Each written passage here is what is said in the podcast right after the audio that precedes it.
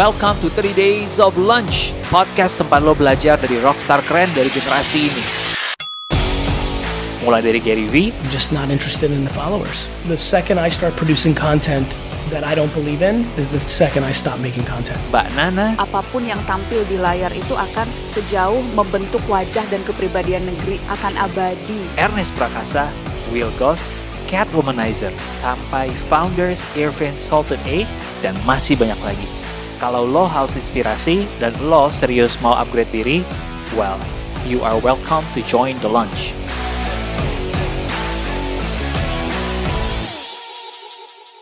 Teman-teman, I want you to welcome uh, teman gua yang luar biasa banget. Uh, terakhir kali gue ketemu dia itu kita lari pagi jogging di Singapura. Profesinya masih sebagai uh, pramugari. Tapi fast forward beberapa tahun kemudian hari ini dia udah upgrade udah upskill menjadi pilot. Gue belum pernah sih so far sejauh ini ketemu uh, pramugari yang uh, segitu niatnya untuk upgrade menjadi pilot. Nah hari ini teman-teman kita akan belajar dari uh, Regina gimana prosesnya dia reinventing herself, apa aja struggle yang dilewati, persiapan yang dilewatin. Kenapa? Karena gue ngerasa begitu banyak dari lo semua yang nge-DM gue tentang ini. Jadi gue sengaja cari case yang paling ekstrim untuk lo percaya bahwa segala sesuatu itu mungkin. Rek, atau gue panggilnya Gina? Gina please. Gina ya, oke. Okay. Kalau manggilnya Gina tuh gue langsung keingetnya kayak lagunya Bon Jovi gitu. Boleh nggak lu cerita dulu ke kita kayak hmm. perjalanan lo naik turunnya singkat aja dan apa yang bikin lo akhirnya memutuskan untuk nggak bisa nih gue nggak bisa selamanya jadi pramugari waduh panjang sih sebenarnya tapi ya. kayaknya yeah. dimulai semua perjalanan gue ini dimulai dari satu kegagalan gue di usia gue 22 tahun gue dipecat men waktu itu gue kerja sebagai manajemen trainee di satu hmm. perusahaan FMCG di Jakarta waktu itu gue uh, six month review jadi gue presentasi enam mm -hmm. bulan tuh presentasi yeah. pertama dan gue dinilai yeah. tidak how to say this tidak perform. Jadi di situ gue mulai ya itulah perjalanan gue turun ke bawah. Kayak, kayak gue kehilangan pekerjaan pertama gue di usia 22 Wah, tahun tuh. ego lu kebanting-banting dong. Waduh gila gue nangis tidak berhenti. Lu tapi kuliahnya apa? Belajarnya apa? Gue kuliah biologi. Oke. Okay lulus malah jadi manajemen trainee dan itu gue ditaruh di sales kayak ya udahlah. Wow. Ini ya. ceritanya udah makin menarik ya. Beloknya udah jauh banget dari biologi ke FMCG menjadi sales dipecat. Lanjut. Yes.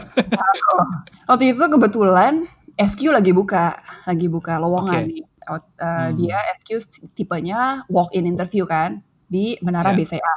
Long story short, gue iseng coba kayak ah ya udahlah. Hmm gue coba SQ kayak menarik nih jalan-jalan kan kayak gue abis hmm. dari FMCG yang tiap hari hmm. tuh kompetisi ngomonginnya profit profit profit gue yeah. belok ke Singapore Airlines yang travel travel hmm. travel dan kebetulan gue diterima jadi wow. di situ gue memulai jatuh cinta Sama sampai jumpa di udara ya kayak Rius Fernandez. Cuman yang yang bikin gue menarik adalah itu kelihatannya singkat ya. Lu yeah. tapi nggak apply ke airline lain, lu cuma apply ke SQ. Uh, eh, waktu itu SQ buka barengan Emirates, tapi harinya sama. Okay. Jadi okay. gue nggak bisa, you know, kayak I have to choose. Kayak gue harus milih yang satu atau yang lain. Mm -hmm. Akhirnya gue okay. milih Singapore Airlines karena deket kan, lebih deket dari Jakarta. Oke, okay.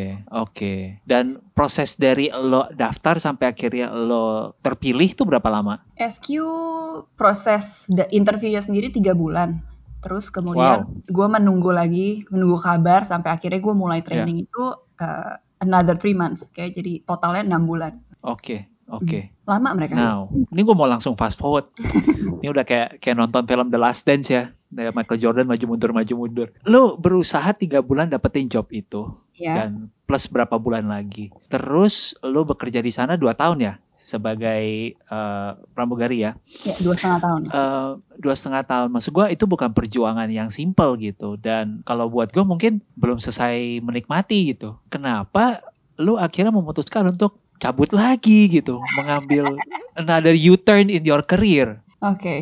kembali lagi ke pernyataan gue dimulai dari, wait, ya gue ketika gue masuk SQ, gue mulai hmm. jatuh cinta dengan dunia aviasi. Jadi kayak ketika gue mulai training di SQ, gue berasa semua itu wow, semua itu menarik Hmm. dan semua I mean it kayak gue benar-benar bermaksud semuanya itu menarik dari yang kecil-kecil dari mereka siapin makanan dari siap mereka mikirin servis dari pesawatnya Hmm. juga sistemnya gimana dari Hmm. pesawat on ground sampai mereka terbang sampai mereka landing Mhm, mhm. itu sistemnya luar biasa dan gua ketika gua tahu ketika gua belajar ketika gua pada akhirnya gua penasaran kok ini begini kok ini begitu gua mulai Ya. jatuh cinta terus-terusan gitu Oke. jadi kayak pertama kali gue Mhm. bener-bener kayak curi-curi pandang kali ya kalau lu lagi PDKT kan curi-curi pandang dulu nih ya Iya iya iya. Ini dia ngeliatin gue kayaknya ngelirik-ngelirik kayaknya dikit ya. Lirik balik dikit ah. ketika lu pertama kali kedip-kedip gitu itu Hmm. waktu gua training safety and emergency procedure Yang turun-turun pakai slider iya plastik itu. betul Oh, banget serius. Jadi ceritanya crash landing on you, C ya lah. saya lah tapi gue gak kebetulan gue gak ketemu cowok Korea yang ganteng gitu loh Oh, gak ada, gak ada ya. Terus terus terus. nah waktu itu gue di training di kokpit malah jadi Oke. ada silabus di mana kita harus belajar bagaimana kita buka jendela di kokpit. Kayak mobil zaman dulu ingat gak sih kalau kita membuka jendela kan harus dikerek tuh manual. Betul. Iya iya iya iya. Betul betul betul. Kayak gitu di kokpit ada jendela yang lu kalau mau buka manual harus dikerek gitu. Nah, kita harus bisa. Serius. Beneran Ser ini ini pesawat tahun berapa masih manual banget? Triple seven. Apa semua pesawat? Oke, semua pesawat yang gue tahu ada jendela yang bisa dibuka. Karena itu Dan adalah bukannya mesti dikerek. bukanya dikerek. Oke, karena ya you don't want to risk right kayak lo tidak mau beresiko tiba-tiba buka di tengah tengah-tengah lagi Ah. jeder. karena kalau lo Oke, oke. sistemnya otomatis otomatis Ya. biasanya kan ada um, mereka pakai namanya uh, hydraulic Ya. kayak mobil lo kan pakai hydraulic tuh jadinya ya kuat kan Ya. ya ketika lo um, di ketika lo mau operate uh, si emergency window ini jendela emergency Ya. pastinya dalam Ya. kondisi lu di darat lu nggak mau buka dia di tengah udara gitu ini nggak kayak Hmm. fire ini nggak kayak fighter jet gitu ini ya ya pesawat ya komersil kan ya ya ya. jadi ya gue belajar gimana cara operate itu di situ gue baru Hmm. pertama kalinya gue curi-curi pandang kokpit gitu Mm-mm. kayak wah semuanya menarik ada banyak Hmm. tombol-tombol di atas di bawah di kiri di Hmm. kanan gue kayak aduh ini semua menarik gue pengen pencet gue penasaran ini semua apa gitu Hmm. itu tuh Wow. pertama tuh jatuh cinta Ini kayak kayak apa ya? Kayak lu mulai pelan-pelan ngelihat kayaknya gue passionate nih di sini nih. Hmm, Kayaknya true true benar Padahal dari sebuah keputusan yang mungkin waktu lu ambil, lu nggak ngerasa kayak, maksudnya lompat dari biologi ke FMCG, FMCG ke pramugari aja itu udah random banget gitu kan. Hmm, true gue gak nyangka So mungkin the gitu ya. first, iya. Tapi yang gue pengen dapet adalah apa yang di kepala lu waktu itu ketika lu memutuskan untuk mencoba jadi pramugari. Is it just, ah ya udahlah, screw it, just do it, atau emang lu udah tertarik minimal jalan-jalannya dulu? No, no. The No. first the first thing in your mind it was correct. Kayak yang gue pikirkan waktu itu kayak ah ya udahlah, gue dipecat, kayak gue bisa apa sih gitu. Ya kayak ah capek gitu ya kayak gue capek kerja di gue capek kerja di mana gue harus berkompetisi. Gue capek Hmm. kerja di mana gue harus memperebutkan satu posisi dengan kolik-kolik gue, dengan teman-teman Iya, gue. iya, Karena gue iya. suka damai gitu. Ketika lo bekerja Hmm. dengan satu tujuan dan satu tujuan yang sama, Iya, buat gue itu that's my joy. Sementara kalau di corporate lo mesti bermanuver, berpolitik in a way sedikit supaya lo bisa stand out dibandingin teman-teman lo. Apalagi management training kan. Every day kayak setiap hari orang akan ngelihat performance lo. Hmm. Dan gue ya itu gue nggak suka lah. Ya, ya, ya, ya. Dan itu sih yang membuat gue jatuh cinta lagi pada dunia aviasi gitu. Gue suka Hmm. environmentnya, gue suka dengan lingkungan. Ketika lo bekerja dengan teman-teman lo, and it's Ya. literally teman-teman lo gitu. Ya lo bekerja Hmm. tujuannya sama itu. Yang penting lo dari A ke B, semua passenger lo Sampai- happy gitu. Oke, oke. Menarik ya. Oh, I mean if you put it that way, mungkin gue jadi bisa berempati sama lo karena gue juga ngerasa gue punya tit- momen turning point di saat gue juga bingung gue mau kerja apa di perusahaan. Hmm. Jadi gue pernah ada momennya gini, Gin. Hmm. Gue ngedownload, ini adalah PDF isinya semua jenis pekerjaan yang ada di dunia plus gajinya mereka. Oke. average di seluruh dunia. Right? Uh, namanya surveinya Kelly atau apa gitu. Terus gue ngeliat kan, wih gila ternyata di dunia tuh udah profesi berapa ratus ya. Terus gue ngeliatin semuanya plus gajinya bisa berapa ratus juta. Setelah gue selesai ngebaca ini tuh kayak 10 menit, kok nggak ada satu jenis pekerjaan pun yang stand out ke gue terus kayak I want this. Ya. Nggak ada gitu. Dan di situ gue ngerasa mungkin emang tempat gue di dunia ini bukan di corporate. Oke, gue ngerasain itu juga sih. Gue ngerasain Hmm. itu juga sih ketika uh, gue nggak tahu kan, you know kayak abis dari corporate, gue tahu gue nggak happy di sana. Gue nggak tahu gue mau Yeah. jadi apa. Dan Yeah. waktu itu posisinya gue udah 23 tahun ya pada akhirnya. You know, kayak Hmm. 22, 23 tahun. Gue bingung itu ya elah, gue ngapain ya abis ini. Dan akhirnya gue putus asa. Ini adalah Yeah. efek samping dari gue dipecat. Ketika lu masih muda, itu pekerjaan pertama lo, lo dibilang tidak Hmm. cukup gitu, tidak tidak capable of Kompeten. ya tidak Hmm. kompeten. Um, Ya gue sedih, gue putus asa waktu itu. Um, tapi gue termasuk yang beruntung ketika gue asal-asalan masuk SQ, you know, pekerjaan yang kemudian gue uh, take it for granted in a way. Gue beruntung karena pada akhirnya gue penasaran dan gue memupuk penasaran gue itu. Gue kasih air, gue Hmm. kasih tanah, gue Hmm. kasih fertilizer. Gue mulai Hmm. bertanya-tanya gitu, kenapa sih kayak kenapa sih kok ada turbulence gitu. Dimulai dari pertanyaan Hmm. yang paling simpel yang passenger sering nanya, penumpang sering nanya, kenapa kok turbulence Iya. mbak gitu. Awalnya gue cuma bilang ke penumpang gue kayak, oh iya turbulence itu kayak lo nyetir di jalanan. Kalau jalanannya mulus, ya jalan lu mulus. Kalau jalannya Hmm. bolong-bolong, ya bolong-bolong. Sedangkan di udara pun Hmm. sama. Ah, kayak Hmm. kalau di jalan Ya. itu asfalt, di udara ya udara. Ternyata udara tuh banyak bolong-bolongnya gitu. Hmm. Tapi ketika gue di rumah, gue bertanya, kenapa? Kenapa kok udara bolong? Kenapa bisa ada bolong-bolong? Skincare kurang bagus sih kayaknya bolong-bolong mukanya. Perawatan kan ya. Tapi Heeh. itu gue mulai googling gitu. Gue googling gampang Hmm. banget kayak what's turbulence? Apa sih turbulence? Gitu. Dari situ gue mulai Hmm. kayak oh ternyata ada yang namanya masa udara. Masa Hmm. udara ada yang panas, masa udara ada yang dingin. Kalau mereka ketemu Oke. mereka berantem. Kalau Hmm. kita terbang di antara yang berantem itu ya turbulence. Oh gitu. Oke, I like how you put it. Gampang, gampang, gampang. Oke. Tapi di situ gue mulai kayak oh gitu ya. Ya baru mulai gue eh, cari yang lebih dalam gitu. Hmm. Eh, prinsip- bentar, bentar. Mumpung ngomong lagi trivia nih. Iya. Kan lu tadi menjawab kenapa ada turbulence. Ini Iya. gue jadi penumpang yang rese dulu. Ya ya ya. kenapa itu ada petir tapi kita nggak kena ya? Terus kalau kita kena gimana gitu? Terus kayak kenapa kita kadang-kadang mesti naik banget terus kita mesti turun banget? Itu maksudnya gimana ya? Aduh, Mas duduk deh pakai sabuk pengaman Terus kasih gue gin tonic aja biar mabok tidur ya. biar bobo. Nah, Udah gak usah digangguin. but, but ada sih yang nanya, Hmm. itu ada petir, itu ada petir. Kayak Hmm. kayak mereka panik gitu, kayak mereka bisa pencet Iya. light kayak, "Mbak, itu ada petir, ada petir." Terus gue harus Hmm. bilang, "Nggak apa-apa, Mbak. Itu pesawat itu dibuat sedemikian rupa sehingga petir itu tinggal lewat, cuma lewat dia tidak Hmm. singgah gitu."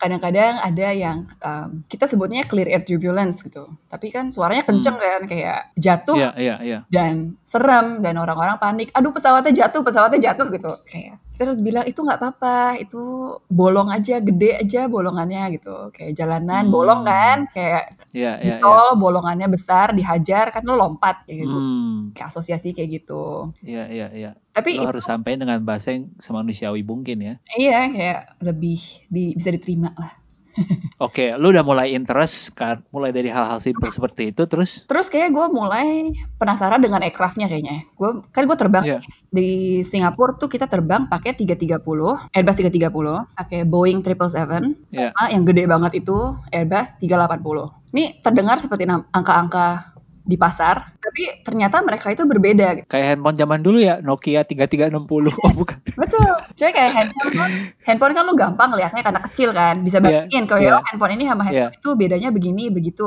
ya kalau lu di dalam pesawat bedainnya susah kan Iya. tapi karena gue kerja di sana dua setengah tahun gue mulai penasaran gitu ini bedanya apa Hmm. sih kok beda gitu Hmm. kenapa mereka harus beda Hmm. gitu terus Hmm. kalau lo duduk lihat keluar lo lihat di sayap itu ada yang namanya wingtip di ujung Hmm, sayap itu betul. ada wingtip gue penasaran gitu kok 330 sama 777 sama 380 beda wingtipnya gue mulai googling kenapa kok beda? gitu. Kok ada dia? Di situ gue mulai yang kayak itu kayak di situ gue mulai jatuh cinta lebih dalam dengan dunia aviasi. Hmm, gue selalu bertanya kenapa kenapa kenapa? Oke, karena gue juga senang aviasi. Coba lo kasih tahu pendengar juga mungkin ada yang suka. Bedanya apa nih wingtipnya? kalau 330 itu wingtipnya ya udah wingtip biasa lah ya. Kita sebut saja Wingtip tuh yang kayak bentuknya agak-agak meleng- melengkuk gitu ya. Kayak kotak tak gitu kan. Di ujung, iya iya.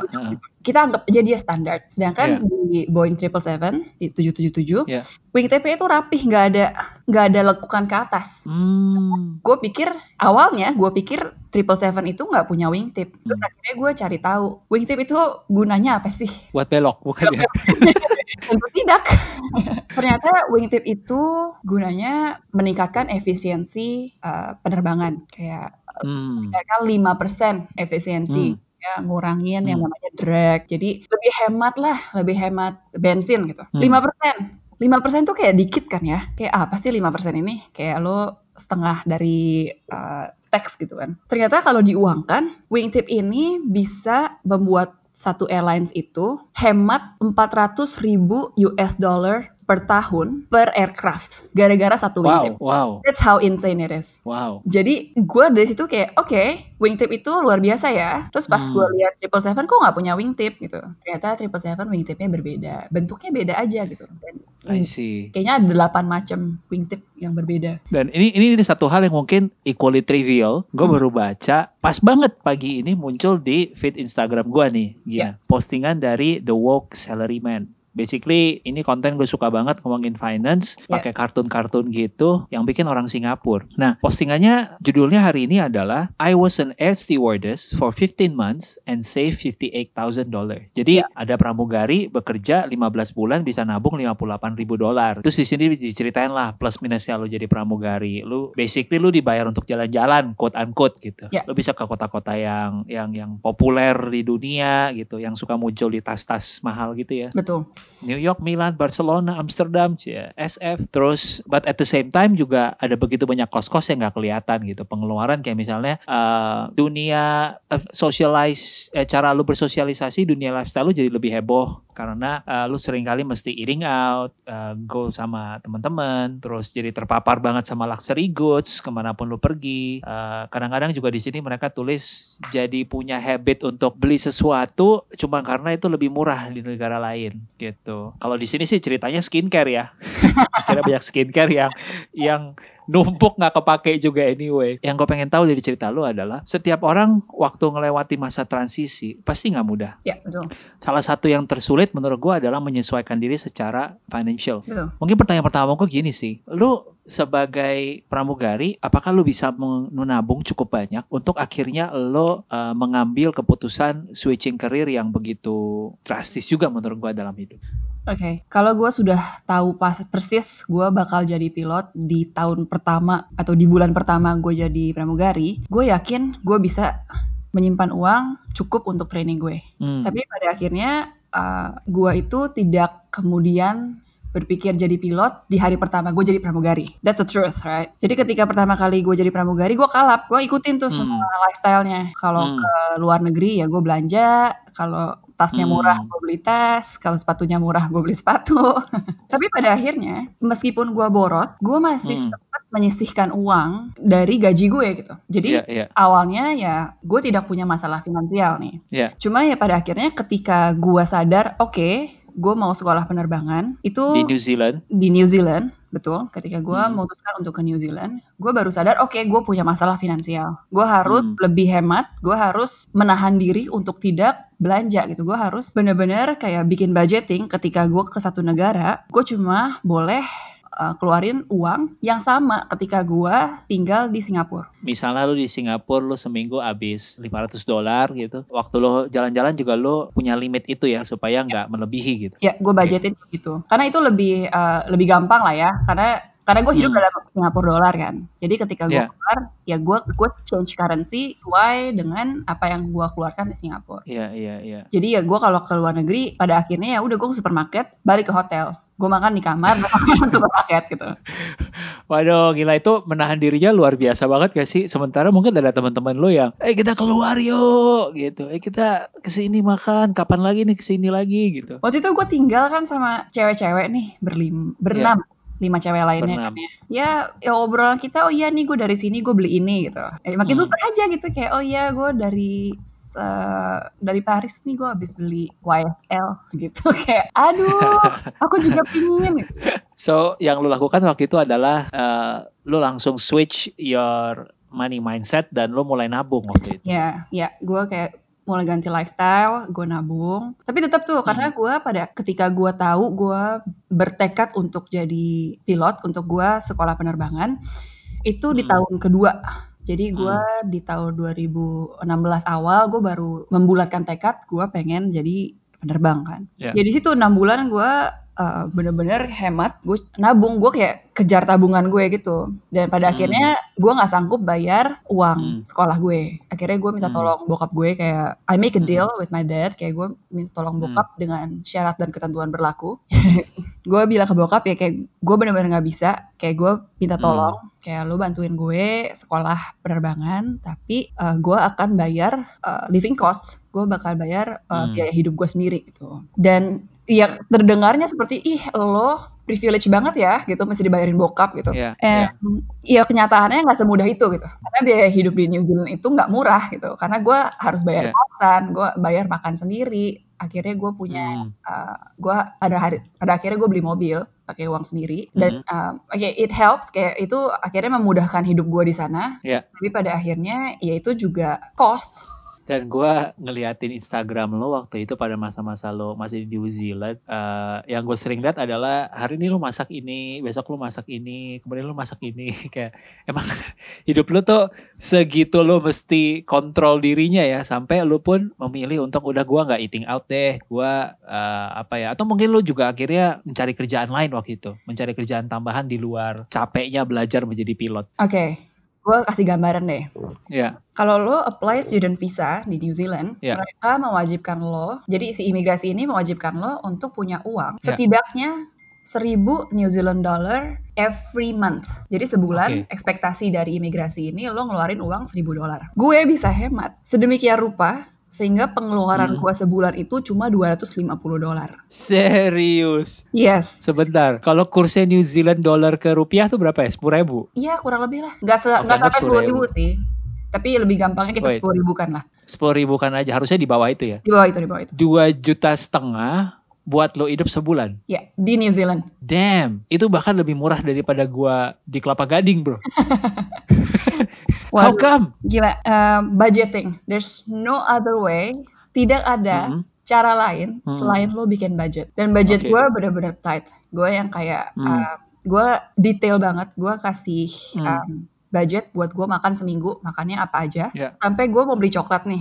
Coklat itu kan Hmm. satu blok ya. Satu Ah. blok coklat itu ada 10 baris. Gue potesin coklat itu per baris. Jadi gue Ah. bisa makan itu selama 10 hari. Wow, gua ngelihat jadi kayak di film The Martian terus kayak lo jatahin makan lu setiap hari nggak boleh lebih gitu ya. Iya. Terus kalau udah makin tipis, oke ini potongan coklat terakhir. Dibagi lagi jadi empat supaya nambah empat hari. It's pretty much like it. Bener-bener kayak gitu. Dan wow. um, itu sengsara sih. Itu kayak Oke. capek banget sih hidup kayak gitu. Tapi ya Hmm. gue belajar lah. Belajar artinya kayak valuasi uang di situ. Ya. Oke. Tapi pada akhirnya ya gimana ya. Kita namanya manusia ya. Kita butuh yang namanya entertainment. Pada Ya. akhirnya hidup kayak gitu ya lo mempertanyakan kualitas hidup kayak Benar, ini kok gue hidup sengsara banget ya. Tapi kemudian Iya. gue balik lagi ke determinasi gue kayak oke gue bisa lah begini selama 2 tahun. It's okay gitu. Tapi akhirnya gue kecolongan, tetap aja gue belanja ada aja yang butuh gitu. Kayak beli headset Ah. misalkan. Kayak gue butuh headset buat terbang. Itu nggak di Hmm. budget gue karena sebenarnya kita bisa Hmm. nyewa gitu. Hmm. Tapi akhirnya gue beli headset, ya gue harus kerja gitu. Gue harus cari cara supaya gue dapat pemasukan selain tabungan Hmm. gue. Wow, gue masih terpesona sih sama 250 dolar dari harusnya yang 1000 dolar. Menurut gue itu sebuah sacrifice yang patut untuk apa ya? Seenak-enaknya mungkin orang ngelihat kayak lo tuh privilege, tapi lo sadar untuk nggak menyia-nyiakan itu gitu. Nggak lantas lo yang, oke mungkin gini kalau gue bikin ekstrim. Kalau lo mau lebih privilege lagi, lo bisa bilang bokap lo, sorry Api, gue nggak sanggup bayarin semuanya. gitu. Atau kayak tiba-tiba ya halo papi kredit cardnya udah habis nih gue mau beli mobil besok gitu. I mean it can be worse maksud gue. Tapi you take that responsibility untuk nggak bisa ini hidup gua, gua harus bertanggung jawab. Terus ketika lo balik, what did you say to your dad gitu? Lo ada bokap lo kaget gak sih kayak pertama kali lo ngomong gue pengen membiayai hidup gua sendiri gitu di sana? Iya sih, eh, bokap gue bingung gitu loh, ini anak tiba-tiba pengen jadi pilot. apa-apaan sih. Pastilah awal-awal orang tua nanya kan, ini anak serius apa enggak. Um, dan karena ya memang sekolah penerbangan nggak murah. Dan Iya. bokap gue bukan yang punya sinar mas gitu. Bokap gue Hmm, bukan betul. milioner gitu kan. Iya iya, nama belakang bukan Hartono lah gitu atau Salim. Sama sekali. Jadi ya sekolah penerbangan pun biaya gitu buat bokap. Jadi kayak Iya, ketika iya. ketika gue bilang ke bokap, I make a deal with you. Ini adalah proposal gue. Lo uh, apa ya kayak gue minta tolong bokap kayak tolong bayarin uang sekolah gue. Tapi ya gue pun bertanggung jawab gitu. Gue pun menunjukkan keseriusan di mana gue cuma mampu bayar hidup, you know. Gue cuma mampu bayar biaya hidup. Setidaknya bokap melihat kalau oke, ini anak serius, oke, ini anak pun mengeluarkan sesuatu gitu. Ini gue mengorbankan sesuatu dan itu tabungan gue Hmm. selama dua setengah tahun. Gitu. Kayak Wow. of course it's not kayak tentunya itu tidak sebanding dengan apa yang bokap punya kan. Kayak bokap punya Betul. waktu berapa puluh tahun untuk nabung gitu. Sedangkan gue cuma punya waktu dua setengah tahun. Yang Iya. pun selama dua tahun pertama gue nggak salah-salan gitu loh. Sedikit menyesal sih. Seharusnya kalau gue tahu dari awal gitu. Kalau gue tahu, uh, kalau gue sadar betapa ya dunia pramugari itu tidak selamanya. Bahwa dunia pramugari itu cuma um, stop over buat gue. Gue akan lebih serius dalam mengatur finansial gue. Iya. Tapi lu sekarang berapa? 25, 26? Waduh, gue 30 bulan depan. Ah, serius? Oke oke. You look like 25 or 26. Jadi santai aja. Thank you, thank you. Maksud gue gini sih kayak gue gue punya gue jadi inget gue punya obrolan sama nyokap gue akan datang masanya setiap anak itu ngomong ini sama orang tuanya dari kalau lu kan dalam bentuk lu memberikan proposal gitu this is apa yang gue pengen lakukan trust me ini ini gue akan komit sama ini karena kondisinya kan lu udah pernah quote unquote fail sekali gitu Iya, iya.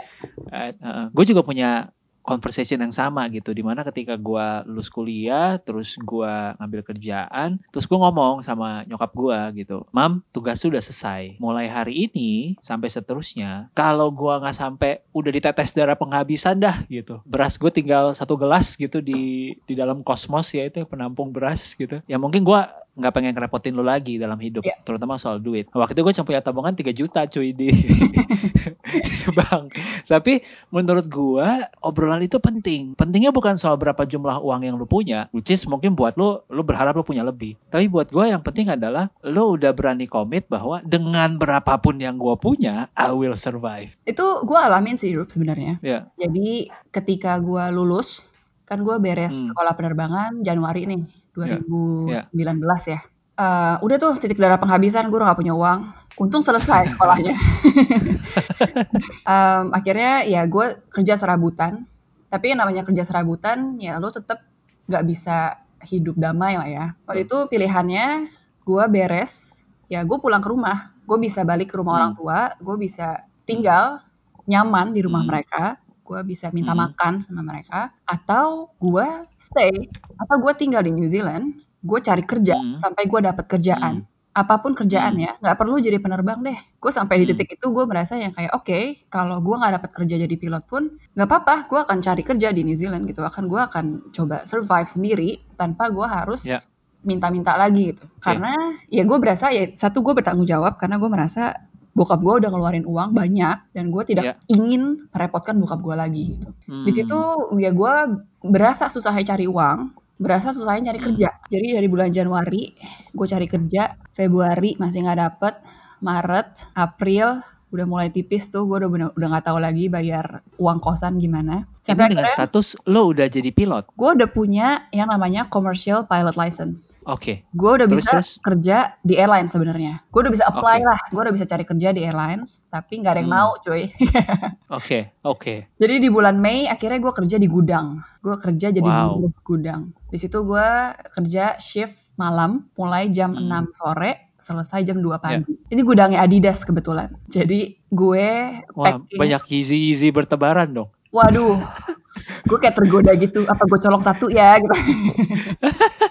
Jadi gudang ini gudang New Zealand, apa gudang Adidasnya Hmm. New Zealand, di mana Adidas seluruh New Zealand dikumpulkan di situ, baru dikirim ke outlet-outlet di Ya. seluruh New Zealand kan. Ya udah gue jadi ini aja, gue jadi buruh aja di situ, jadi ngangkat-ngangkatin barang, ngepak-ngepakin Wow. barang Adidas. Situlah gue berasa yang kayak ya ampun, kayak susahnya hidup tuh di situ gitu. Ketika lo ya Hmm. you ketika lo bekerja untuk menghidupi hari esok. Itulah titik Hmm. di mana ya I've, I've been there done that. But the good story, Wow. pada akhirnya gue dapetin apa yang gue mau lah. Pada akhirnya um, gue abis dari gudang ya gue kerja di jadi ground staff di Auckland Airport. Abis itu bulan September lah gue mulai training, mulai dikirim ke Australia untuk training di maskapai gue sekarang. So it's you know it's a good story. It's a, it's a happy ending in a way. It's happy ending eventually. Ya, ya. True. Wow, wow. Jadi dari lo lulus Januari, akhirnya lo dapet di September ya. Dari Januari dapat kerja bulan September ya. Di September. Terus September lo dapet kerjaan, Desember corona. Rasa banget gak sih? Gila sih itu. Itu itu sesuatu sih, you know. Mungkin nanti ketika gue sudah punya cucu, gue akan cerita. Cucu, kamu tahu nggak ketika nenek dulu bekerja? Baru dapat kerja udah corona. Sekarang lo udah bisa officially berarti you are a pilot now? I am, yes, I'm a second officer. Second officer. Oke. Itu ada berapa ranking lagi sampai lo? Oke, setiap maskapai berbeda-beda. Kalau di KTI kan ada empat bar nih. Oke, semua airlines pasti ada empat bar. Tapi judul di setiap barnya berbeda-beda. Kalau di Ya. KTI bar satu namanya second officer, bar dua first officer, bar tiga itu relief qualified first officer. Kalau susah diartikan ke bahasa Indonesia, tapi intinya bar tiga itu sudah siap menjadi kapten. Dia bisa Hmm. jadi cadangan lah kalau misalkan kapten kenapa-napa, bar tiga Ya. itu sudah qualified. Sudah mulai training jadi Oke. kapten. Ya bar 4 is the captain. Jadi perjalanan gua sekarang dari second officer menuju kapten ya kurang lebih 12 tahun lah. Serius. Iya. Wow. Masih wow. jauh perjalanan gue. Jadi this is not the end gitu. Abis training Hmm. ya ini bukan Hmm. akhir dari kisah gue, tapi ini adalah masih mula, masih mula-mula banget. Kayak gue baru mulai bulan Desember, ini bulan Mei, ya baru enam bulan. Hmm, wow. Tapi menurut gua apa yang lo lewatin itu sesuatu yang bisa dipetik pesannya sih buat teman-teman yang ngedengerin. Em, satu yang gua tangkap banget adalah bahwa kalau lo emang pengen nyobain, ya cobain aja gitu. Daripada lo menyesal nantinya. Dan menurut gua tuh yang lebih kesel sih. Kayak ketika, ya tadi yang gua nggak mau ngobrolin, what if gua begini, what if gua begini gitu. Mendingan lu jalanin, kalaupun ber- kalau berhasil ya it's good, nggak ya lu tahu itu bukan lu. Kalau bahasanya pastor-pastor kita kan, your rejection is your direction. Cie. Tapi menurut gue, misalkan semisalkan pun lo terpaksa harus Hmm. belok nih, lo karir lo Yeah. tiba-tiba berakhir. Karena gue tahu Yeah. sekarang banyak teman-teman gue pun yang kena uh, redundancy, kena layoff, Yeah. kan, Yeah. dirumahkan, nggak punya kerjaan. Kalaupun karir lo belok sekarang, coba deh lo enjoy, coba lo tanya kenapa. Semua hal Hmm. yang lo pelajarin, lo tanya aja iseng-iseng, kenapa sih? Kok Hmm. kenapa? Kenapa kok begini? Kenapa kok begitu? Siapa tahu, siapa tahu dari pertanyaan kenapa ini lo menemukan passion lo. Hmm. Siapa tahu jawaban dari kenapa ini sebenarnya menarik banget gitu. Karena ya Contoh gimana? tadi ya kayak gue bilang gitu kayak gue kan mulai jatuh cinta dengan dunia aviasi dari pertanyaan kenapa kenapa kok turbulence Hmm. kenapa kok wingtip begini Hmm. kenapa kok pesawatnya Hmm. begitu dan dari jawaban kenapa kenapa ini yang kemudian memumpuk gitu loh pelan-pelan kayak oh ternyata gue Iya, tuh cinta mati sama dunia aviasi karena jawaban-jawaban yang nggak penting nggak penting ini gitu Oke, jadi kenapa itu sebenarnya ada di balik rasa curiosity lu ya, Ya. di balik rasa penasaran lu, Di- dan di balik rasa penasaran lu itu biasanya apa yang mungkin passion lu tersimpan di sana gitu ya. iya betul That's interesting. Gua belum pernah dapat perspektif seperti itu. Thank you. Mm. Oke, oke. Terus terus. apa ya mungkin yang pengen gue ceritain um, you know terdengarnya gampang ya kayak oh iya dia dari pramugari jadi pilot gitu Ah masih nyambung lah pramugari pilot. iya kayaknya gitu ya kayak Satu pesawat gitu. Tinggal pindah ruangan doang ke depan. Tapi sebenarnya um, yang gue sadar waktu itu the hardest leap, lompatan paling jauh dalam perjalanan gue itu ketika gue harus meyakinkan diri gue sendiri bahwa gue itu Hmm. bisa, bahwa gue itu mampu. Oke, Hmm. you have to put your feet on my boat. Hmm. Waktu itu gue dipecat cuy, gue dianggap tidak Hmm. kompeten di Hmm. perusahaan FMCG gitu ya. Waktu itu gue during the darkest time of my life and it Hmm. still haunts me sometimes. Gue berasa Hmm. ya elah gue ngurus spreadsheet aja gue nggak mampu. Apa yang bisa meyakinkan gue bahwa gue itu bisa nerbangin pesawat? Hmm. That's the struggle. Ketika Kalau gue lo- jadi lu, gue mempertanyakan diri gue sendiri juga sih. itu gue ketika gue harus you know kayak ketika gue harus akhirnya uh, meyakinkan diri gue oke okay, gue bisa gue bisa jadi pilot gue bisa belajar gue bisa kayak mulai buka buku lagi belajar lagi. Itu yang Hmm. susah gitu itu itu yang yang yang paling susah perjalanannya itu gitu. Melawan The battle is in the mind ya. yes bener kayak kayak the worst enemy is yourself Hmm. tapi kayaknya sepanjang perjalanan gue itu ya gue ngalamin yang namanya holy discontent kalau menurut lu. Gimana gimana nih Holy nih seru nih. discontent. Itu ya kayak eh, pada akhirnya ketika lo mengerjakan apa yang lo kerjakan, you're good with that. Gue percaya bahwa gue adalah pramugari yang baik. Gue melayani Mhm. dengan sepenuh hati. Tapi Ya. ketika gue menjalani itu, gue merasa yang kayak Oke, this is not my place. Kayak gue suka, gue suka dunia aviasi, but this is Hmm. not me gitu. Kayak ini ini bukan bukan tempat gue. Di situ ya bisikan-bisikan holy discontent Iya iya iya iya. Oke, menurut gue, holy discontent itu kayak anjing. Lu bisa ignore the dog, you can ignore this dog, but you can't stop it from barking. Oke, jadi ini kayak anjing, lu nggak bisa. Lu bisa diamin anjingnya, tapi lu tetap mau nggak mau harus ngedengerin dia kalau dia menggonggong. Yes, betul. Susah ya bahasa Indonesianya ya. Oke, ya agak susah memang. Oke, oke. Artinya adalah ketika lo menjadi ketika lo menjadi pramugari, se enjoy enjoynya lo menjadi pramugari, tetap lo ngerasa kayaknya aku bakal lebih enjoy lagi sebagai pilot gitu ya. iya, Kayaknya kapasitinya gua bisa lebih deh gitu. betul. Itu gue Tapi pertanyaan gue gini, lo jadinya sempet mikir dong di dunia aviasi ada opsi lain gak sih selain pilot? Atau lo emang udah tahu oke pilot? itu lebih gue pikirkan ketika gue sekolah penerbangan. Hmm. Jadi ketika gue memutuskan sekolah penerbangan, kayak gue komit Hmm. pilot is the answer. Gue mau jadi pilot kayak Hmm. kayak training dan tujuan gue ya terbang gitu jadi penerbang. Tapi ketika gue mulai sekolah penerbangan di situ gue baru memikirkan alternatif-alternatif lainnya. Why? Kenapa lo mulai meragukan diri sendiri lagi? Em, itu bukan meragukan diri sendiri sih, lebih ke arah eh, realistis kali ya. Karena gue tahu Hmm, hmm. em, ketika lo lihat di luar sana kayak begini, kalau penerbang itu hidupnya bergantung dengan jam terbang. Semakin banyak jam terbang yang lo punya, kesempatan lo untuk dapat kerja lebih banyak. Hmm. Sedangkan anak-anak fresh graduate ya cuma dapat 200, 250 jam terbang. Hmm. Sedangkan banyak airlines yang mintanya 700 jam terbang, 1000 jam terbang. Hmm. Ya lu dapat dari Hmm. mana gitu.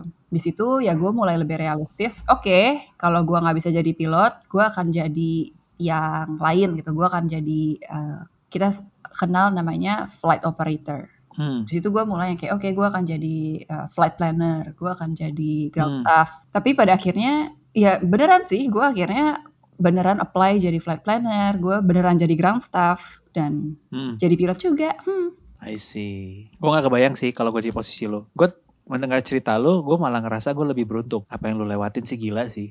Gue kayaknya nggak mau ngelewatin apa yang lo lewatin. So in a sense that gue gua memberikan lo selamat, eh, lo lo sekuat itu untuk bisa ngelewatin ini dan lo punya determination yang mungkin gue belum pernah temukan di eh, orang lain and that's the story yang gue salut banget. Back to your journey. Jadi lo mention sekarang lo ngerasa lo masih di awal bahkan um, untuk mencapai captain mungkin 12 tahun. Eh, tapi your your next milestone yang paling deket itu apa sih? Apakah 1000 jam tadi? Apakah apa gitu? Untuk lo bisa bilang, "Yay, I'm getting closer to that captain seat." Lulus training. Oke, em, tricky ya pertanyaannya. Ya. gue orangnya suka reflect on myself. Kalau menurut gue, gue sendiri masih punya PR. Ya. Salah satu PR gue itu confidence. Somehow, Oke. Hmm. gue masih merasa kepercayaan diri gue itu kadang-kadang suka naik turun. Dan menurut gue, Hmm. sekarang gue tidak akan siap jadi kapten sampai Hmm. gue membereskan kapasitas gue untuk mempertahankan kepercayaan diri gue untuk lebih stabil. Hmm. Karena pada akhirnya uh, perjalanan kita, not not only pilot ya, perjalanan kita semua Hmm. orang itu uh, nggak cuma jabatan kan ya, ada Ya. Perjalanan diri sendiri gitu. Dan perjalanan kebetulan perjalanan jabatan gua pun banyak tantangannya. Dari second officer untuk jadi first officer gua harus bisa take off landing misalkan. Se- Sekarang gua nggak perlu mikirin take off landing karena second officer di maskapai gue tidak melakukan take off landing. Jadi PR gua nih selama empat tahun ke depan bagaimana caranya gue membangun, mengasah kepercayaan diri gue sampai gue itu Hmm. bisa bener-bener berani percaya diri take off landing dengan passenger di belakang gue.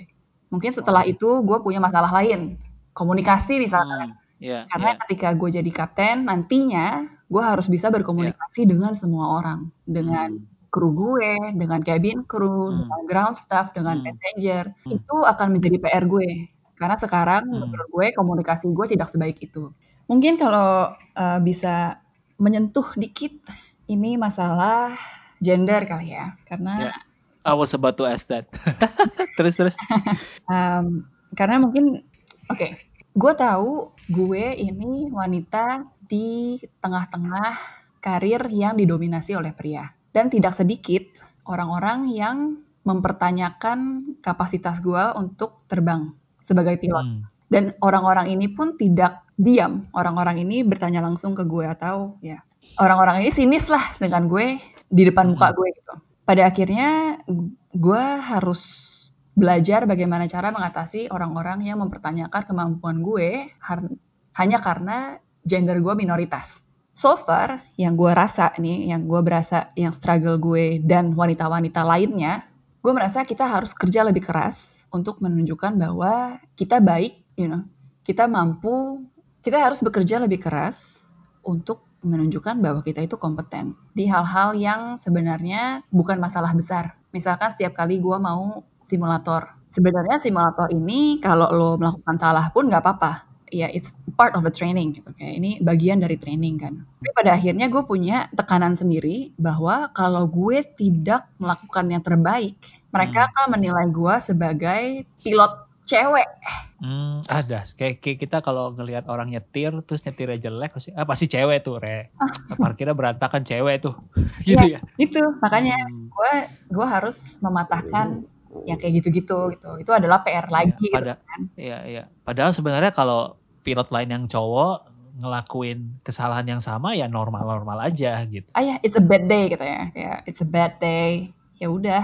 Ya tiga hal yang lo perlu capai dulu berikutnya adalah dari sisi confidence lo, and then next one mungkin komunikasi, while at the same time you lo battling dua itu, lo battling with the gender issue ya. Yes. Um, lo familiar gak sih dengan konsep ikigai? Yeah, yes, I do. Kayaknya lo pernah bahas itu. Menurut, iya, yeah, gue pernah bahas itu tapi ya on and off lah. Cuman eh, basically kan ikigai, sebenarnya ikigai yang sekarang beredar pun agak misleading. Sebenarnya ikigai yang ada beredar sekarang itu sumbernya adalah purpose diagram yang what you love, what you're good at, what the world needs and what you can be paid for. Itu bukan ikigai sebenarnya itu purpose diagram, tapi di rename menjadi ikigai itu Ya. memudahkan. Karena buat orang Jepang ikigai artinya ialah reason for being which is ya purpose juga. Ya. Nah cuman eh, ini kita jadi kayak ngomongin karir sedikit ya. Eh, apakah lo ada momen yang lo emang memetakan this is what I'm good at, this is uh, what the world needs, uh, this is what I can be paid for, atau memang seperti yang lo cerita tadi, you just go with your guts, uh, kenapa kenapanya gue yang bikin gue penasaran, terus ya gue jalanin aja gitu. I do feel this is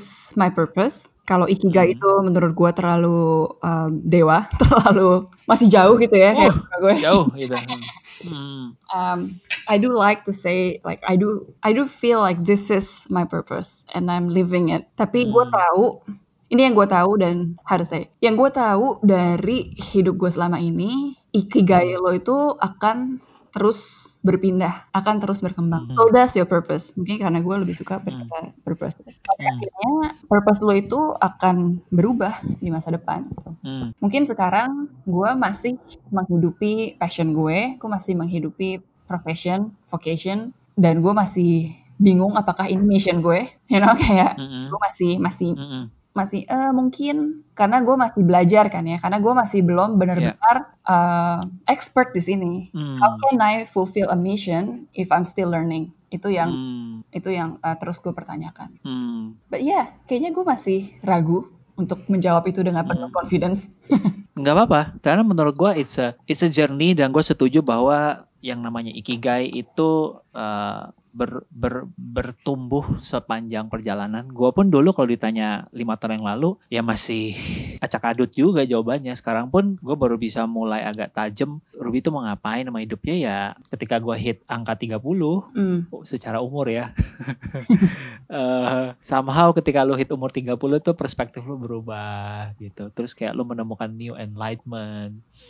Dan dan gak apa-apa menurut gue it's part of the process. Gue jadi ingat ketika dulu Hmm. gue di SQ, Ya. gue berada di masa the most comfortable comfort zone ever. Hmm. Bahkan sampai Hmm. sekarang pun masa-masa gue di SQ itu masih the most comfortable comfort zone gue. Di mana gue Hmm. hidup nyaman, gue tinggal sama lima gadis lainnya, kita Hmm. damai, kita intim, anak-anak Hmm. ini. Gue nyaman banget dengan hidup gue gitu. Ketika suatu saat nih, Ya. teman-teman gue ini, si anak gadis-gadis ini, dilamar satu persatu. Hmm. Di situ gue baru sadar, oke, teman-teman gue ini akan menjalani hidup yang berbeda. They enjoy or they have, they want different life. Hmm. Di situ gue mulai bertanya-tanya kayak, oke, gue maunya apa sih? Kalau kalau mereka suatu saat akan pindah rumah, mereka akan Hmm. punya keluarga sendiri. Pastinya Hmm. mereka gak akan tinggal bareng sama kita lagi dong. Hmm. Di situ gue mulai bertanya, gue mau apa sih? Hmm. what do I want in life?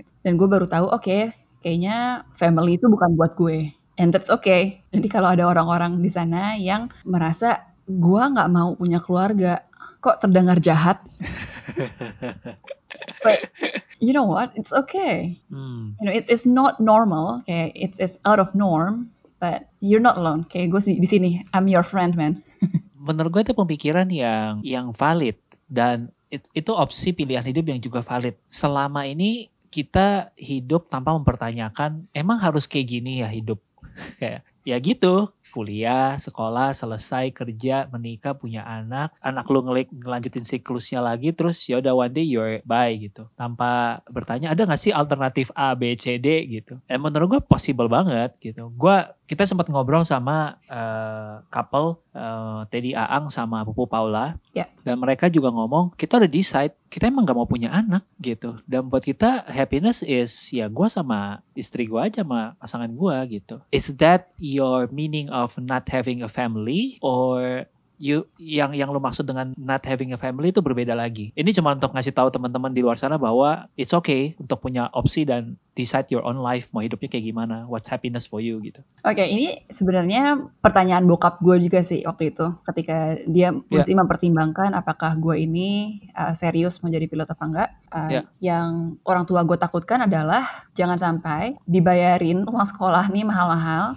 begitu lulus nikah, punya anak, terus karir dada babay gitu. Ini yang gue Hmm. ucapkan ke bokap adalah, uh, Pak, Gina single. Having a family is not within my control. Karena bokap gue pastinya pengen anaknya nikah ya, punya anak kasih cucu kan. Ya, gue Hmm, bilang hmm. itu di luar kendali gue. Gue tidak menutup kemungkinan gitu. Gue tidak kemudian Hmm. bilang gue nggak mau nikah sama sekali, no. Tapi gue bilang ke bokap yang bisa gue kendalikan adalah karir gue. Dan gue akan harus saya, gue komit untuk punya karir ini. Dan sampai sekarang pun punya keluarga itu di luar kendali gue. Oke, oke, oke. Oke, oke, oke. How to read this? I'm still single. Pada akhirnya ya gue memilih karir gitu dan menurut gue karir itu lebih mudah dikendalikan daripada jodoh yang kayak ya udahlah kayak Hmm, my happiness is not there gitu kayak ketika gue hmm, uh, melihat diri gue sendiri bertumbuh, hmm, melihat diri gue Hmm. sendiri lebih dewasa gitu secara finansial, secara Ya. pemikiran itu gue merasa Hmm. gue lebih berbahagia gitu daripada gue mengejar sesuatu yang tidak bisa gue kendalikan. Gua gua tadi mau nanya hal yang sama karena ketika lo mention Rup, gue tuh sebenarnya 30 gitu. Nah, itu kan pertanyaan yang akhirnya banyak orang nanya kan.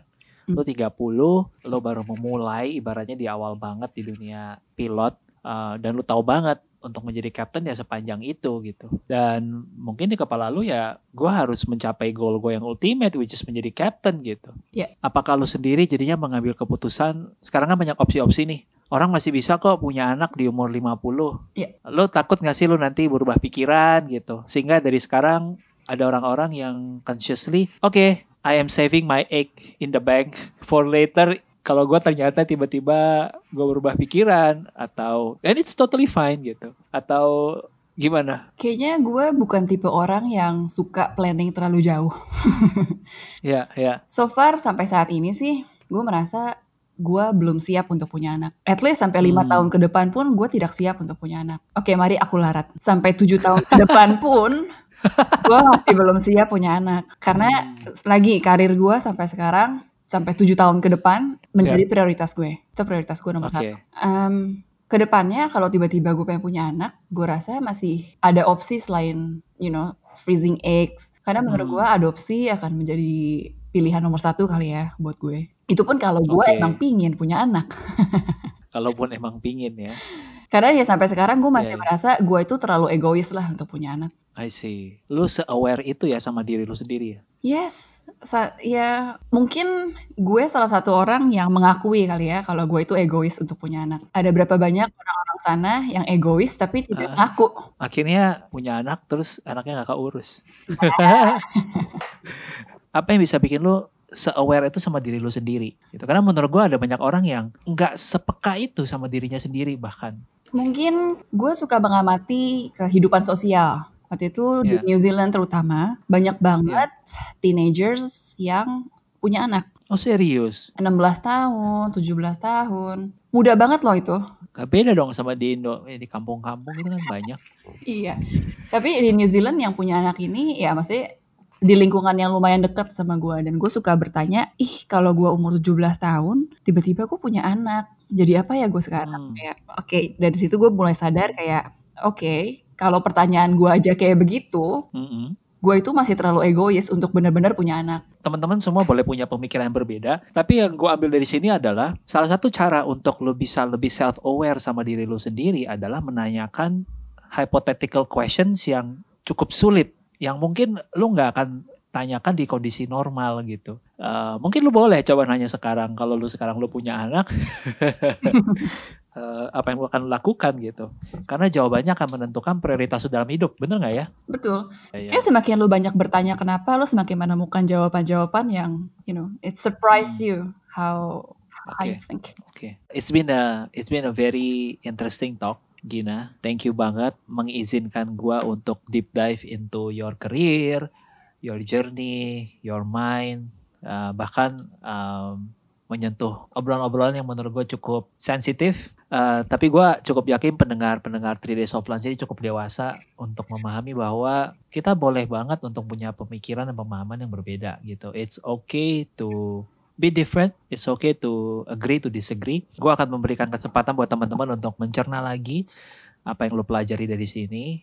Tapi satu yang menjadi benang merah buat gue adalah persistence, grit, sama willingness to experiment gitu. Bahwa kalau meminjam bahasanya Steve Jobs, you cannot connect the dots looking forward, you can connect the dots looking backwards.